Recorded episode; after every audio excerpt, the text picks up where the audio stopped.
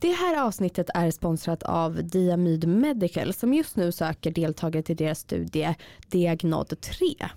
Den här studien riktar in sig till personer som nyligen har fått typ 1-diabetes och länk till studien hittar ni i beskrivningen till avsnittet.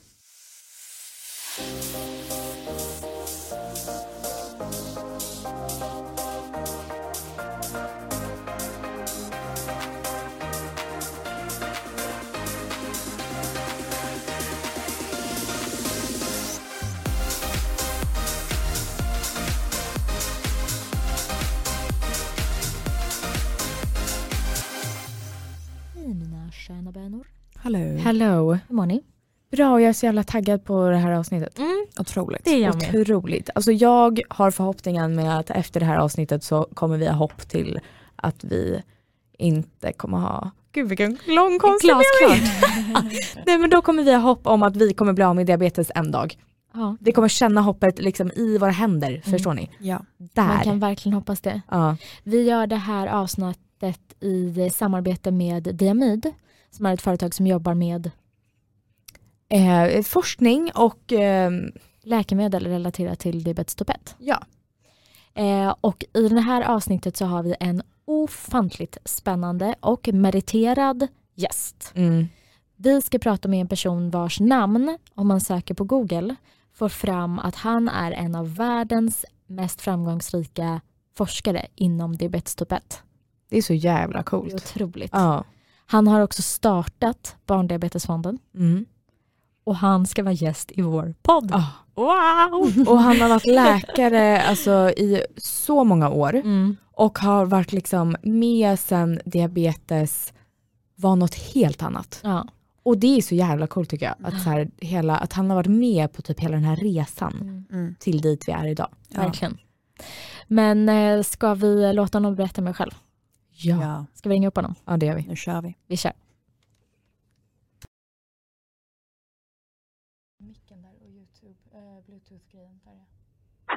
Jonny Ludvigsson. Hej Jonny, det här är Felicia från Tre liv med diabetes. Mm, hej, hej. Hej, hur står det till? Jo, finemang. Vad bra. finemang. Gud, tack snälla du för att vi får eh, ringa dig. Ja, det går bra. Vi är, Inga problem. nej, vi är väldigt eh, spända att få prata med dig och eh, om Mm. hela din bakgrund och den här studien förstås. Eh, Okej. Ska vi eh, hoppa rätt pang på? Ja, då, ni kan börja när ni vill. Ja men toppen, jag sitter här tillsammans med Filippa Hej Jonny. Hej. Hej, hej. och Hej, Sandra. Hejsan. hej Sandra, hej. Hej. Så vi tre kommer eh, att ställa säkert eh, superdumma frågor emellanåt. Så att vill du, eh, vill du själv beskriva vem du är? Ja, vem jag är, det beror lite grann på eh, hur eh, du vill att jag ska börja. Jag är just nu en eh, relativt gammal person, 79 år gammal eh, och eh, har fem barn tillsammans med eh, henne som jag kallar Pärlan eh, som jag varit ihop med i 60 år. Gud vad fint. Och, ja, det är inte dåligt. Nej, Eh, verkligen. och vi har 12 barnbarn. Wow. Eh, Så att eh, på så vis, eh, det är väl kanske det viktigaste då i, i livet. Om Mm. man sen eh, vid sidan av detta så kan man säga att eh, eh, jag är som ni vet eh, eh, läkare, vilket jag blev på 60-talet. Först började jag med att titta på det som kallas immunologi. Alltså jag började titta på vita blodkroppars funktion och det gjorde jag egentligen redan 1964. Men sen ytterligare något år eh, senare då började jag med diabetesforskning. Mm. Eh, då var jag fortfarande student men jag var på eh, en eh, avdelning i patologi i Uppsala där man sysslade rätt mycket med diabetesforskning och jag tyckte det verkade väldigt intressant. Mm. Så jag började med det. Jag kan säga så här att jag egentligen varit intresserad av svårt sjuka barn Mm. eh, som kliniskt så att säga. I, i min, som läkare så har jag varit intresserad av det och därför så blev jag eh, ansvarig på 70-talet när vi kom till Linköping Mm. eh, för eh, barncancervården i sydöstra Sverige. Mm. Eh, och det var jag i eh, nästan 25 år, Ja, 20-25 år. Och eh, diabetes Okej. som eh, var den, den som kom som professor före mig eh, 1971. Han var Sveriges mesta barndiabetolog, barndiabetesläkare. Yng- Yngve Larsson hette han. Och eh, han blev min handledare när jag sen på 70-talet smitt skrev min doktorsavhandling som var om diabetes. Ja, okej. Så och sen har jag blev... hållit på med diabetesforskning hela tiden eh, under alla år. I ganska lite cancerforskning. Ja. Så att det blev just diabetes låter ändå som att det är lite mer eller mindre någon slags slump, eller?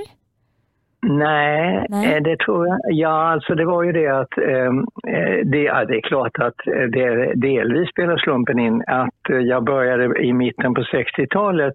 Det kan väl, det fanns andra områden som man höll på med, men, men diabetes var ju ett av de stora områdena, så det kan man väl säga var lite slumpartat. Mm. Men sen att jag flyttade över att jag började på, det, på barnkliniken med diabetes, eh, det, det gjorde ju inte en del andra då. Det, det berodde ju på att jag ville eh, hålla på med någon sorts svår sjukdom där det känns meningsfullt att, eh, att få resultat. Mm. Alltså, att, att hålla på med något som egentligen inte betyder så mycket för någon, det tycker jag inte lika, Nej, känns inte lika viktigt. nej. Och som du har säkert hört det här förr eftersom du har hållit på med det här nu väldigt länge. Men för någon som har diabetes så blir man ju så Mm. ofantligt glad när det finns andra som inte själv har diabetes eller någon kanske direkt koppling så men som ändå inser och själv känner att det är ett viktigt jobb. Man blir liksom Ja. tacksam på något vis. Mm, verkligen. Mm. Och vad är mycket, vilken otrolig förändring du måste sett, både i kanske kunskap i samhället och teknik och forskning och hela den biten. Om jag bara tänker på liksom oss, eh, vi som sitter här, jag har ju till exempel haft diabetes i, ja vad blir det, 24 år och bara under mina Mm. år har, jag ju, har det ju hänt hur mycket som helst. Men Absolut. på dina år måste det ha hänt otroligt mycket. Ja, det har hänt eh, väldigt mycket. Eh, alltså i början på eh, 70-talet då när jag började arbeta med eh, eh diabetesmottagning en del av mina patienter är således pensionärer Mm. som har barn då. Och eh, då visst, eh, dels skilde man inte på typ 1 och typ 2. Det eh, begreppet använder man inte, men man skilde ju på insulinberoende och icke insulinberoende. Men eh, man, man hade inte just klart för sig att det här var en, man uppfattade det inte som en autoimmun sjukdom utan det var väldigt eh, ja, helt enkelt ingen visste vad det hade med att göra överhuvudtaget. Nej. Utan mycket hände faktiskt på 1970-talet. Mm. Det var en väldigt eh, dramatiska saker som hände då inom typ 1-diabetesområdet.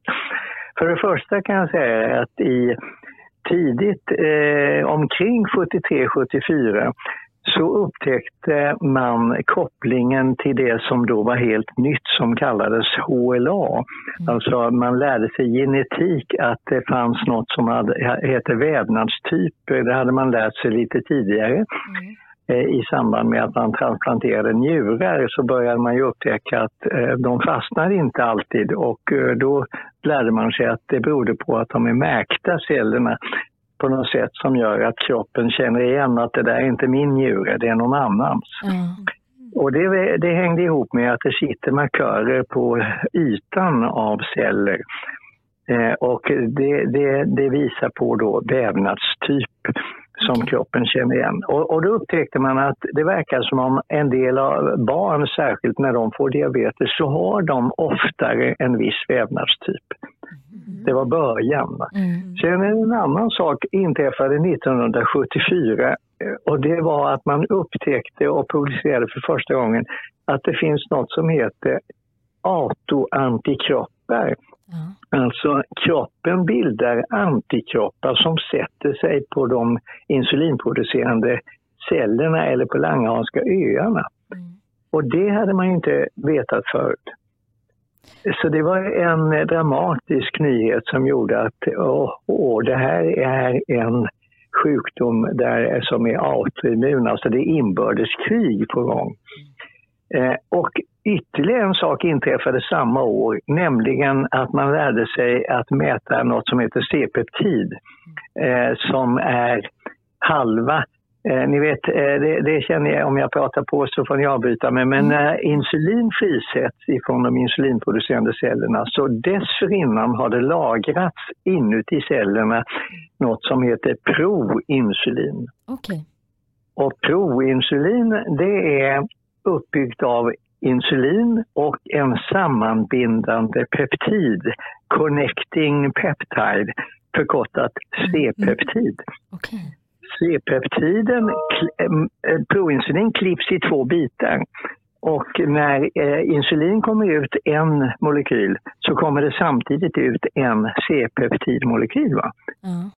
Och eh, det gjorde att när man lärde sig 1974 att mäta C-peptid då visste man ju hur mycket patienten själv producerade oavsett att den sprutade in insulin som, som ju annars gjorde att man inte visste vad är insprutat insulin och vad är eget producerat insulin. Så det var dramatiska nyheter. Mm. Verkligen. Och eh, när det här inträffade att man då i mitten på 70-talet eh, beskrev att det här det är antikroppar som sätter sig på de här cellerna. Då fick jag själv en, eh, en idé, mm. nämligen, och det kanske andra fick också, men vi var först i världen med att ingripa. Eh, därför att jag tänkte det i min allmänna optimism att okej, okay, om antikropparna är skadliga, för det trodde man ju, då tar vi väl bort dem. Och då var det så att på sjukhuset här i Linköping så hade man just eh, i, eh, i 77 eller något sånt där, 77, 78, jag minns inte, skaffat en maskin som kunde separera blodet så att man kunde ta bort antikroppar. Eh, och då tänkte jag, okej, okay, då gör vi väl det på nyinsjuknade barn. Så vi startade världens första immunintervention. Eh, där vi, eh, det var ett enormt eh, blodig historia får man säga, mm. därför att vi, vi bytte blod på barnen mer eller mindre helt och hållet flera gånger. Det var innan HIV, så den eh, rädslan fanns inte. Eh, mm. Det, det, hade inte dykt upp. Och vi var inte så rädda för att byta blod. De fick då massa med blodtransfusioner av andra och vi tog ut deras blod. Mm. För att vi skulle bli av med antikropparna. Mm. Det hade faktiskt nog en viss effekt men det, det, det, det för för långt att förklara vad det mm. skulle kunna bero på. Men, men faktum är att det, det, det hade nog kanske en viss effekt så som vi gjorde det. Mm. Eh, men det hade en, en, en del bieffekter som delvis var positiva. Eh, för barnen gick det bra så att säga, så det var mm. inga skador med dem. Men mm. vi, vi fick ju massor med plasma. Mm. Förstår ni? I vanliga fall om man tar prov då får man ju ett litet provrör eller två mm. eller tre och, och, sen är det några milliliter plasma där i. Mm. Vi hade ju litervis. Alltså.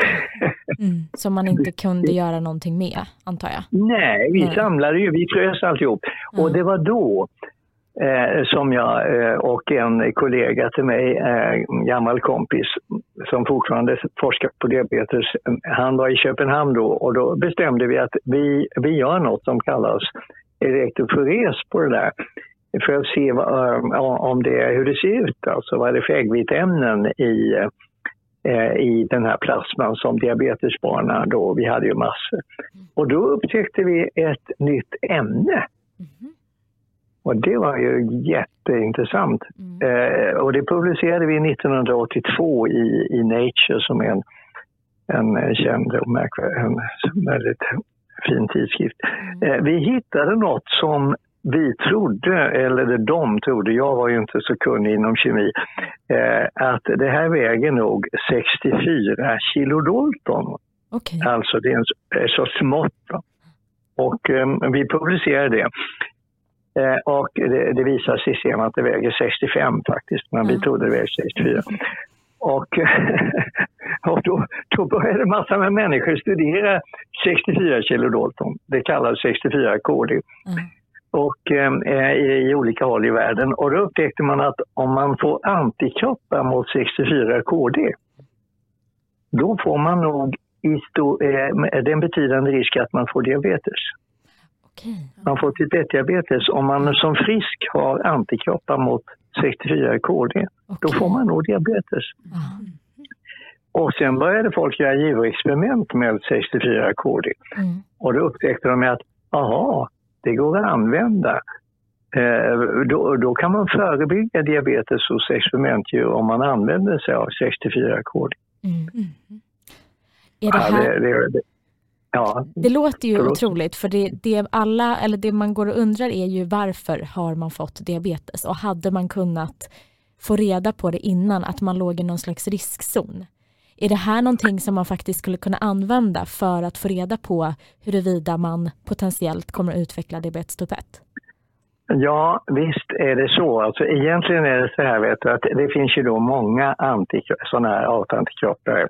Eh, jag kan, jag kan säga som exempel att när vi, vi började egentligen eh, och systematiskt eh, från 1 juli 1976 ta prover på våra diabetespatienter för att följa den här eh, egna insulinsekretionen Mm. som man, vi hade just lärt oss. Och då tog vi prov innan de överhuvudtaget fick insulin, det första när de kom in. Mm. Och då upptäckte vi med vår metod att vad konstigt, det verkar som de har antikroppar mot insulin. Mm. Men de har ju inte fått insulin. Nej. Så jag sa att eh, det måste vara fel på vår metod tyvärr. Så, och, så vi, vi, vi, vi trodde vi hade fel. Och sen dröjde det bara ett par, tre år så var det en i USA som publicerade en synnerligen viktig artikel där han visade att nyinsjuknade patienter har autoantikroppar mot insulin. Mm. Ah, var det var ju det vi hade sett, va? Mm. men vi vågade inte tro på det. Nej. Jo, man har antikroppar mot alla möjliga saker Mm. eh, som betacellerna, då, de här insulinproducerande cellerna, eh, vis, eh, producerar. Och Mm. eh, eh, det här 64K, det var en sak och insulin en annan. Och, och det, det vet du, så är det ju att eh, skulle man screena, om man skulle ta prov från barn Mm. Eh, så skulle man kunna mäta antikroppar och eh, eh, finner man en antikropp endast då är risken bara lite ökad. Mm. Men hittar man fler antikroppar Mm. då kan man säga det att då är risken stor och hittar man flera i lite högre titlar då kan man säga att då, då, då kommer den individen nästan, ja, i varje fall till 70-80 procent eh, så kommer den att få typ 1-diabetes. Finns det någon anledning till att man inte gör sådana här test idag? Är det för att det inte finns något bot idag eller är det för komplicerat att göra sådana här tester? Eller varför, varför gör man inte sådana här tester på barn som kanske har föräldrar som har diabetes eller som, ja, om det finns någon annan koppling som gör att man kan urskilja? Liksom. Ja, alltså eh, eh, huvudproblemet är ju precis som du säger att eh, det, det är inget kul att identifiera någon som och säga det att jaha, du eh, eller ditt barn får nog eh, med stor säkerhet typ 1-diabetes men vi kan inte säga om det blir om ett år eller om det blir om 15 år. Mm, nej. Och Jag vet inte hur roligt egentligen att gå omkring, eh, om man inte kan göra något så känns det mycket tveksamt måste jag säga. Mm. Att, eh, det, däremot, man skulle kunna tänka sig att göra det eh, i en familj där någon redan har diabetes. Ja. Därför att i den familjen så vet man ju redan vad typ 1-diabetes är. Mm. Ja, Och där är man redan orolig och tänker Mm. okej, det här barnet har fått diabetes, tänk om syskonet också får det. Mm. Eller pappa har diabetes och då är man orolig för kanske något av barnen får diabetes.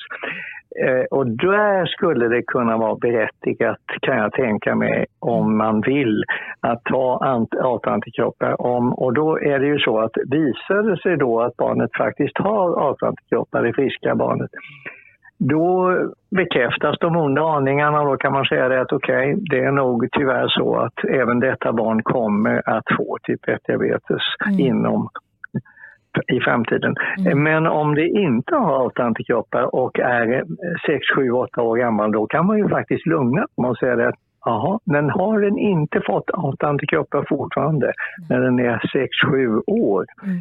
då är risken väldigt liten. Alltså. Mm. Det, så är, det är mycket osannolikt. Ja. Men det är vid den åldern, 6-7 någonstans, som det är relevant att göra sådana här tester? På, ja, liksom alltså man, men, äh, om man hade något att ingripa med då skulle man göra det tidigare. Då skulle man ja. kanske göra det redan vid tvåårsåldern och sen mm. kanske man skulle göra det vid femårsåldern igen. Mm. Äh, men, men har man inte utvecklat autoantikroppar när man är ja, i alla fall 7-8 år, då kommer man inte att göra det. Alltså, det är mm. väldigt liten risk. Alltså, mm. Inte helt kan man inte utesluta, men den är väldigt liten. Ja. Så, Så, även att, de eh, som insjuknar i diabetes typ 1 som liksom vuxna runt 30-40 år, de har ja. alltså haft de här autokropparna Ja, det är en bra fråga. Nej, ja. För det vet man inte säkert. Det finns ju en del som man har följt i 30 år mm. från det de var nyfödda och, eh, och, och sen har de fått eh, typ 1-diabetes har de haft antikroppar alla år.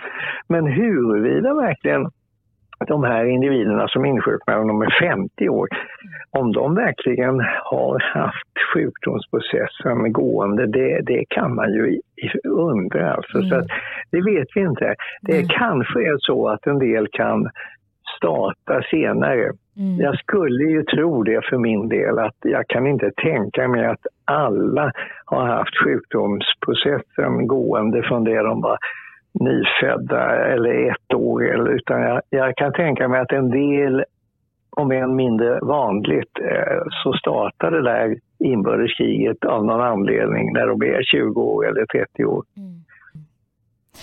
Alltså det är så intressant att lyssna på allt det här och alltså det man tänker, jag kommer ju tillbaka till det här då att det finns en massa saker som man potentiellt skulle kunna ja. göra som minskar risk ja. och man skulle ja. då kunna göra de här testerna på barn för att se ifall man löper större risk att få diabetes. Men som vi sa så är det kanske inte helt humant att göra det om man inte vet att det finns någonting man kan göra för att bota Nej. diabetes. Men leder det här oss in på en studie som du jobbar med just nu som handlar om ett visst typ av vaccin? Mm. Eller hur? Precis. Kan du berätta om den studien? Ja, det kan jag göra förstår du. Och framförallt kan jag berätta då att det där 64KD som vi upptäckte i, i barn i Linköping visade sig i slutet på 1980-talet i Kalifornien eh, att det är ett enzym i hjärnan normalt sett mm. som heter glutamic acid decarboxylase som är ett oerhört viktigt enzym i hjärnan. Och mm. det finns i blodet på barn som får typ 1-diabetes. Mm. Eh, det är ju lite märkvärdigt, men det hänger delvis ihop med att eh, öarna, Langehanska öarna brukar jag säga är en, ett utskott av hjärnan. Mm. Eh, de, de har väldigt mycket gemensamt. Va? Det, det, själen sitter i magen delvis och det kan man säga. Mm. Det här hänger ihop. Och det är alltså GAD. Va? Och då är det ju så att när det där antigenet upptäcktes det kanske jag kan säga, jag vet inte hur, ni, hur det här känns, eller, men, mm. inte, men det, är ingen hemlighet att en eh, person som hette Anders Essen Möller, mm. Han hade, som jag förstod något företag eh, och, och, och, och lite tillgångar eh, och hans dotter, tror jag, hade fått typ 1-diabetes. Mm. Och då eh, diskuterade vi i början på 90-talet eh, att nej men, det här antigenet som nu upptäcks var GAD, mm. det kanske man skulle kunna använda för att på samma sätt som man, om någon är allergisk mot katt eller, eller, eller gräs eller sånt där, då, då slutar man ju in det mm. och försöker skapa tolerans. Tänk om man kunde göra något liknande med GAD. Mm. Och det gjorde den här eh, Kahn, eh, jag beundrar honom för det. För att han bestämde sig för att han skulle försöka medverka till att bota sin dotter och andra med för den delen genom att använda GAD till att utveckla ett vaccin. Va? Eh, så han startade ju ett företag som heter Diamid och de började använda sig av det här som vi hade då kallat 64 kinolol som den så visade sig vara GAD och mm. tillsammans med det andra så utvecklade de ett, ett eh, preparat där man hade bundit lite aluminiumhydroxid till GAD så att det blev som ett vaccin och sen började man pröva det. Och eh, vi gjorde en del eh, studier immunologiskt på vårt land. Eh, men andra var inblandade och det gjordes först på vuxna. Jag såg att det var ofarligt och att det eh, ja, kanske hade någon sorts effekt. Och, och, och sen kom det sig då att eh, en, en liten bit in på 2000-talet då eh, fick vi möjligheten att pröva på barn och ungdomar. Mm. Eh, och då gjorde vi en studie där vi sprutade. Eh, man hade prövat 4 eller 20 eller 100 eller 500 mikrogram och mm. Eh, det verkade som om 20 och 100 var ungefär lika bra så då valde vi 20. Va? Mm. Och sen sprutade vi 20 mikrogram under skinnet två gånger med en månads mellanrum. Mm. Och det var Alltså det var sensation. Alltså. Mm. Det var sensation. Det, det, är enda gången som jag tror jag har förekommit eh, i amerikansk tv och eh, spriddes över världen som en stor grej. Va? Därför att vi fick ett fantastiskt imponerande resultat där mm. det verkade som den kvarvarande förmågan att bilda insulin den bevarades betydligt bättre hos de som hade fått de här två ynka injektionerna mm. än kontroller i en dubbelblind slump randomiserad studie. Va? Mm. Ja, det var fantastiskt. Eh, så det publicerades ju i, i världens tyngsta eh, tidskrift av det slaget, New England Journal Medicine, och eh, vi trodde att nu har vi en grej. Eh, nu har det lyckats. Mm. Eh, och sen så gjordes en så kallad fas 3-studie där man har eh, många fler patienter. Mm. Och eh, det blev katastrof kan man väl säga på det sättet att vi nästan fick signifikant resultat, men inte riktigt. Mm. Vi snubblade framför målsnöret kan man säga. Mm. och det var ju förfärligt. Och till er kan jag säga med viss, alltså jag kan inte bevisa det, men vi har en del studier som talar för det. Mm. Att en faktor som då bidrog till att den studien inte lyckades det tror jag eh, hängde ihop med att vi kolliderade med svininfluensan. Jaha. Ja, det var ju också en rasande otur. Vi hade nämligen tidigare i våra studier eh, haft stränga krav på att man inte fick ta någon annan eh, vaccination samtidigt. Nej. Men när vi skulle göra den här stora studien, internationella studien, då ville eh, amerikaner ansåg att uh, man måste få ta influensavaccin, för det mm. ville de absolut inte acceptera. Så, och, och visst, mm. okej, okay, då sa vi det. Och sen kom svininfluensan. Och just samtidigt som vi vaccinerade mot med GAD så stod ju alla i, i kö för att få svininfluensavaccin. Och vi har kunnat visa att eh, i Sverige och Finland där vi hade ett särskilt vaccin, där fick vi ingen bra effekt. Alltså. Mm. Där vi i en del andra länder där man inte hade det vaccinet så fick man effekt. Men det ledde till att studien kapsejsade. Vi nådde inte ett resultat. Mm. Och då, eh, då, då, då, då såg det dystert ut. Eh, då gjorde jag eh, några andra studier på lite olika sätt. Men sen så hörde jag talas om faktiskt så det var inte, jag hörde talas om att man eh, på allergisidan hade prövat med att spruta allergen, alltså björk eller något sånt där katt, eh, direkt i lymfkörtel. Just. Och då tänkte jag att herregud, alltså, det är en radikal åtgärd. Det är ett äh, Alexanderhugg äh, i knuten. Mm. Varför inte pröva att spruta GAD, alltså autoantigen direkt i lymfkörtel. Eh, och det har ingen gjort i världen, eh, sprutat ett autoantigen i en lymfkörtel. På, mm. eh, så, så, det var eh, lite eh, otäckt och lite nervöst och jag fick tillstånd att göra det efter en del om och men på fyra vuxna individer. Okay.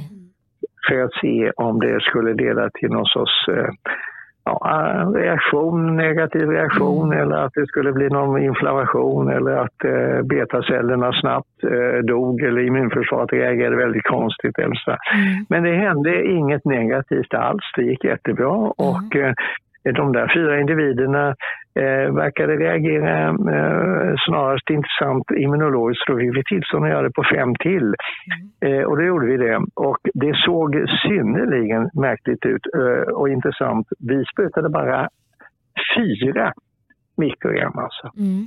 Ah, gud i himlen. Jättelite. Mm. Eh, det är fyra miljondels gram. Ja. Tre gånger med en månads mellanrum. Mm. Och de fick samma immunologiska reaktion och ännu bättre än när vi hade sprutat 20 eh, mikrogram under skinnet. Okay. Och den kvarvarande insulinsekretionen bibehölls väldigt mycket bättre än Eh, det som vi jämförde med. Vi, fick, vi hade ju ingen dubbelblindstudie då så vi fick jämföra med lika åldersmatchade eh, kontroller ifrån en annan studie. Mm. Det såg lovande ut väldigt lovande. Och eh, sen fick vi gå ner till 12 eh, års ålder så vi utökade ytterligare. Eh, och mot den bakgrunden så fick vi då, då, då blev ju eh, Diamidföretaget väldigt entusiastiskt förstås och, och vi också. Så då gjorde man en stor så kallad fas 2-studie med 109 patienter. Mm. Eh, och ehm, under tiden så gjorde vi en sorts analys av alla tidigare studier och det hade vi egentligen kunnat göra tidigare för vi hade sett indikationer på detta men vi hade inte gjort det tillräckligt, ehm, eh, analyserat det tillräckligt bra eh, statistiskt. Men nu när man gick igenom alla tidigare studier då upptäckte vi ju att det är framförallt den halvan av patienterna som har en viss vävnadstyp. Mm.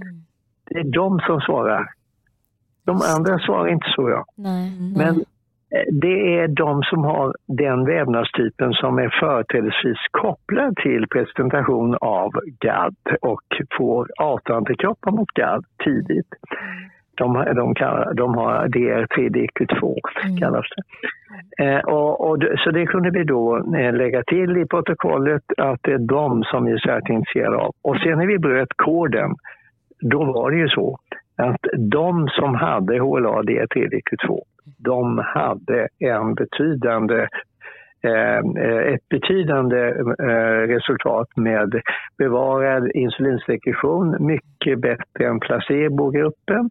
Eh, och inte nog med det, vi kunde visa, det är inte lätt faktiskt och det har knappt inte visats i andra studier, att de som hade kvarvarande insulinsekretion, de fick bättre blodsockerbalans. Och man kunde se direkt statistiskt vacker koppling mellan C-peptidnivåerna och blodsockerbalansen, time in range. Ni som kanske har glukosensorer mm. nu för tiden, då vet ni att man räknar på time in range. Och, mm. eh, och, och, och, det såg vi då att ja visst, det, det, de har mycket bättre time in range. Eh, de svänger inte upp varken högt eller lågt på samma sätt och de har också bättre eh, eh, sån här estimated HbA1c. Eh, mm Eh, GMI, eh, Glukos Management Index. Så att eh, det var väldigt snyggt. Och det ledde ju då fram till den studie som nu pågår, som är Diagnod 3 då, den tredje versionen. Och nu blir det en stor studie med mm. över 300 patienter ska bli i Europa. Mm. Och det är ett antal länder och kliniker runt om i dessa länder som deltar och um, vi hoppas att de kommer igång fint uh, och rekryterar. Därför att mm. egentligen är det så att om patienter få klart för sig att det här är en för dem enkel behandling. Mm. Det, det, det, är inte, det, det, är mindre, det är inte obehagligare att få det där i lymfkörteln i ljumsken än ett stick i armvecket. Det är snarast mm. mindre obehagligt. Mm. Det är en enkel sak för dem. Det är inte särskilt svårt för eh, läkaren eh, med ultraljud och eh, det har inte visat några biverkningar. Mm. Det är fantastiskt. Jag menar, det finns andra behandlingar som också har effekt men de är ju då mera typ tung immunbehandling som trycker ner immunförsvaret som liknar det man har vid cancerbehandling och så vidare. Det här är ju en väldigt Eh, det verkar inte ge några biverkningar, det ger inga eh, obehag, eh, det verkar inte medföra några risker. Mm. Och, och, och, vi får, skulle det visa sig att vi kan bekräfta det igen, att jo, vi får samma goda effekt, mm. då är det äntligen ett, ett sätt att eh, behandla typ 1-diabetes vid sidan av insulin. det har gått hundra år. Det är otroligt. Ja, det är synnerligen spännande. Mm. Alltså, jag hoppas vid Gud att det, att det håller. Mm. Eh, och jag är optimist för att eh, det är svårt att se varför det inte skulle funka om mm. det gjorde det nu i fas 2-studien. Jag tycker det borde göra det. Eh, och eh, gör det det Eh, som sagt, eh, vi har ju gett det jag kallar palliativ eller livsuppehållande behandling med insulin nu då sedan 1922. Mm. Men aldrig haft någon behandling som direkt eh, är mot sjukdomen. Nej, utan bara mot konsekvenserna av sjukdomen. Vi har ju aldrig behandlat betacellerna. Nej.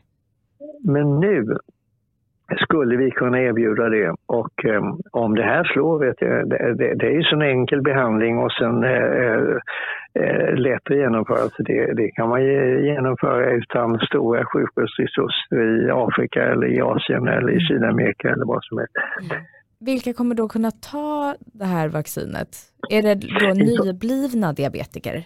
Eller? Ja, i första hand, det är ju det vi har studerat. Ja. I första hand är det ju det. Va? Mm. Men däremot är det så att om det här verkligen blir ett läkemedel ja, då öppnar sig en stor möjlighet för alla möjliga studier. Mm. Därför att eh, normalt sett kan man liksom bara, det, det, blir så segt, det är så långsamt för man måste mm. ta ett steg i taget på det här viset. Men när det mm. blir ett läkemedel, ja men då kan man ju vidga eh, och, och, säga att okej, okay, vi behandlar sådana som har lite egen insulinsektion även om de har haft diabetes i fem år, mm. eller tio år eller 20 år. För att många människor, eh, ni alla tre, det vet jag inte, om ni har kvar, ni, ni, mycket möjligt att ni har kvar en hel del egna betaceller mm. som skulle kunna fungera. Okay. Men som producerar så lite insulin mm. så att det märks inte.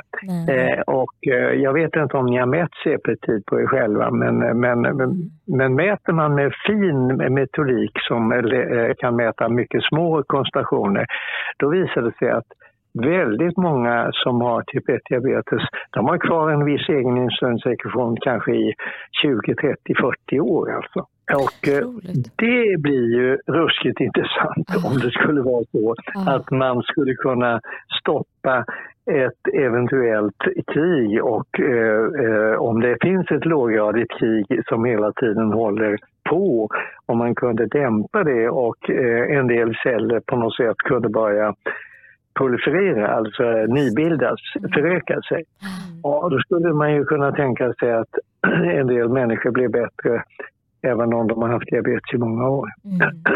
Så det, det är väldigt spännande. Det låter ju väldigt hoppfullt ju för oss tre Och det är även så när det, det här med att förebygga som vi pratar om förut. Det är klart att det är inget kul att identifiera individer som är på väg att få typ 1-diabetes som man inte har något att erbjuda som är någorlunda ofarligt. Va? Men om, om det vore så att man kunde identifiera, det kan man ju då, individer eh, som har HLA DRPDQ2 och mm. håller på att ha autoantikroppar mot GAD och vi vet att eh, de här kommer nog att få typ 1-diabetes om 5 år eller 10 år eller 15 år. Men eh, okej, okay. Eh, vi prövar att se om de blir eh, toleranta eller få något annat eh, balans i immunförsvaret genom att ge dem eh, interlympatiskt gadd mm. eh, ett par gånger eh, så kanske det funkar. Och mm. det är en annan sak som jag kan nämna för. Jag har en egen liten studie mm. där jag sprutar gadd på sådana som har fått behandling en gång. Jag menar, okay. jag fick tillstånd att göra det på tre stycken individer mm. som hade fått tre behandlingar. Mm. Och sen hade det gått två och ett halvt, tre år. Mm. Eh, och jag ansökte om man kunde få ge dem en ny dos. Mm. Och, och, tre stycken eh, unga vuxna fick det. Mm. Och de fick en ny dos. Och det var ju Ja, alltså man kan inte dra mycket slutsatser av tre individer, men det var intressant att notera att alla de tre steg i egen insulinsektion. Mm. Och eh, fortfarande efter ett år så hade de kvar en, ett, ett eh, bra HbA1c och, och lägre insulindos. Alltså. Mm. Det, det var ju, eh, och så, eh, de har nu erbjudits en femte dos. Jaha. Ja, två av dem har fått. Den ena, hon är gravid tyvärr så hon kunde inte få. Mm. Och sen har jag också eh, några stycken som fick tre injektioner i diagonal 2-studien. Mm. De har fått en fjärde dos. Okay. Jag kan tänka mig, men det vet vi inte. Det skulle kunna vara så att man skulle kanske behöva ge en dos Ja, det är sånt som man får studera då mm. om, om det blir ett läkemedel. Man kanske skulle ge en dos om året. Just det. Mm. Eller en, äh, vartannat år eller, mm. eller, eller något sånt äh, för att skapa en sorts bibehållen Eh, balans i systemet eller tolerans mot den här antikroppen. Mm. Och, och sen öppnar det här vägen för att kombinera med andra saker. Mm. Jag tror nämligen att man skulle kombinera den här behandlingen med andra sorters behandlingar. Eh, exempelvis kanske med andra 18 diet mm. Proinsulin kanske. Man kanske skulle eh, kombinera detta med eh, med andra saker mm. eh, som bidrar till att skydda betacellerna. Mm. Så gjorde man när det gäller cancer, vet ni, och leukemi. När jag började i början på 70-talet då dog ju de flesta och eh, det fanns cellgifter men inget verkade funka till dess att man insåg att de funkar inte ensamma. Nej, men om man börjar kombinera dem, då, då funkar de. Mm. Gud, det låter så spännande och det är också så kul att höra att det liksom händer saker. För det är så lätt att bli, ehm, eh, inte bitter, men att tro att så här, det händer ingenting och varför kommer ja. inget bot. Men det är ja. så otroligt ja. spännande och inspirerande att höra om allt det här. Eh, mm. Jag måste ställa en fråga som jag kan tänka mig att våra lyssnare kommer eh, att undra över. Finns det fortfarande plats att delta i den här studien som pågår för nydebuterade diabetiker? Ja, oh ja. Mm. Ja, mm. det gör det Och hur gör man Men, om man är eh, intresserad? Vart? Om man är intresserad då, då, måste man vända sig till någon av de här klinikerna och i mm. Sverige är det tyvärr inte många kliniker. Eh, så det är ju egentligen så att i Sverige på vuxensidan så finns det Eh, i Stockholm och eh, på barnsidan så finns det i Umeå och i Linköping och eh, i Malmö. Och huruvida de tar in vuxna i Malmö, det är jag lite osäker på. Mm. Men det, det, är, det, det, är inte många ställen i Sverige, men överhuvudtaget så fin, ja, det finns ju en möjlighet att höra av sig till de här klinikerna mm. och se om de har chans för och ta in fler. Så att, mm, mm. Finns det någon som eh, har haft, men då får man inte ha haft typ 1-diabetes mer än i högst sex månader. Mm. Och eh, man eh, eh helst eh, kortare tid egentligen. Mm. Helst ska man inte ha haft diabetes i mer än ett någon månad eller så helst eh, när man anmäler sig för att det tar ju lite tid sen med eh, undersökningarna innan man kommer igång med sin behandling. Mm. Men, eh, men det, regeln är max sex månader vid mm. screening. Mm. Så skulle någon höra det där programmet och tänka att okej, okay, det där vore ju fantastiskt intressant, jag vill vara med. Ja, då får de väl höra av sig. Eh, de kan all, man kan höra, sannolikt höra av sig till Diamyd så kan ju de tipsa om mm. Eh, och säga vilka kliniker Precis. de kan vända sig till beroende mm. på var de bor. Mm. Jättebra. Ja, strålande. Vi hade ju kunnat sitta i timmar och prata med dig, men tiden Ja. flyger iväg. Men tack för allt du har gjort Jonny Ja. och allt du Ja, gör ja. och vad otroligt eh, fascinerad man blir och inspirerad Mm. och imponerad. Och tacksam. Ja. Och jätt, alltså, vi, har haft, eh, vi har sagt det förut när vi har haft eh, gäster i podden att efter varje gång så vill man byta yrke och göra det de gör. Och nu känner man ju att det finns inget annat som är värt något om man inte forskar om diabetes typ 1. Nej. Så Ja, nu, nu är- byter vi yrke allihopa här. Ja, det, det, det både jätteviktigt och jätteintressant. Eh, Jag är ledsen om ni inte fick en syl i vädret, för jag Nej. pratar ju nästan hela tiden. Eh, Men du eh, säger också väldigt mycket intressanta grejer. Så att, eh, Ja, och det var tanken att vi Ja. skulle höra Ja, allt spännande förstås. du hade att berätta. Mm. Ja, Ja. det, det, det är viktigt och spännande. ah, Ja, vi, vi, vi, jag har sagt alltid att innan jag fyller 100 år då ska vi kunna bota typ 1-diabetes, så jag är fortfarande optimist. ah. Otroligt. Gud vad härligt. Åh, vad vi hoppas Ja. på det. Ja, och det om det dyker Ja, upp absolut. eh, studier där eh, lång eh, diabetes typ 1 kan eh, vara med, vi som har haft diabetes Ja. i över 20 år Ja. allihopa, eh, då vill vi vara med. Ja. Ja, det är bra.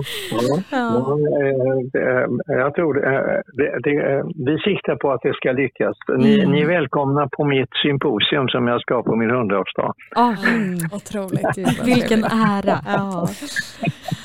Men tack snälla Jonny för att du var med i vår podd. Ja, Det var ett Ja. eh, nöje. Ja, tusen tack. Ja, tack ska du ha. Hej, hej allihop. Hej då. Hej då. Hej, hej. Hej, hej. hej, hej.